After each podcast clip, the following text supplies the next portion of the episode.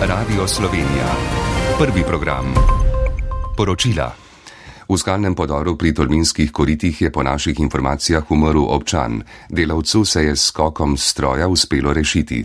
Zaradi zemljskega plazu je civilna zaščita zaradi varnosti zaprla lokalni cesti za Tolmin Polok in za Tolmin Čadrk. Plaznina naj bi bila dolga pri, približno 100 metrov. Intervencija poteka, na terenu so gasilci, reševalci in policija. Edino jamstvo za varnost Izraelcev je palestinska država, je zunani ministrica Tanja Fajon povedala na današnjem zasedanju zunanih ministrov, na katerem se jim je pridružil tudi vodja izraelske diplomacije Izrael Katz. Kot je dejala, sta nujna trajno premirje v Gazi in resen pogovor o rešitvi dveh držav. Podobno bo tudi ministričino sporočilo na jutrišnjem odprtem zasedanju Varnostnega sveta Združenih narodov o Bližnjem vzhodu. Poljska je pripravljena na skupno proizvodnjo orožja z Ukrajino, je v Kijevu sporočil polski premijer Donald Tusk.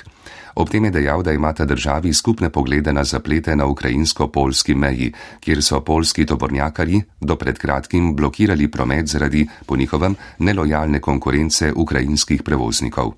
Ukrajinski predsednik Volodimir Zelenski je po pogovoru s Tuskom izrazil prepričanje, da bosta državi uspešno rešili omenjene težave.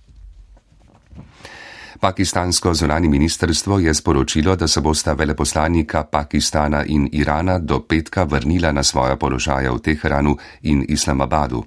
Kot so še sporočili iz Pakistana, bo iranski zunani minister Hussein Amir Abdullahjan čez teden dni obiskal Pakistan. Gre za korak v rahljanju napetosti med državama, ki sta se v zadnjih dneh večkrat obstreljevali na območju skupne meje.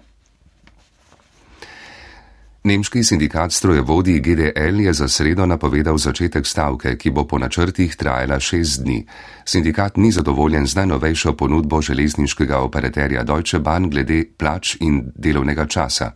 To bo četrta stavka GDL v zadnjih mesecih, s katero sindikat zahteva više plače kot nadomestilo za inflacijo in skrajšan delovni čas z 38 na 35 ur, pri tem pa naj to ne bi vplivalo na plačo. Zaposleni v tovornem prometu naj bi med tem stavko začeli že jutri zvečer. Po podatkih Agencije za okolje bo oblačnost od zahoda na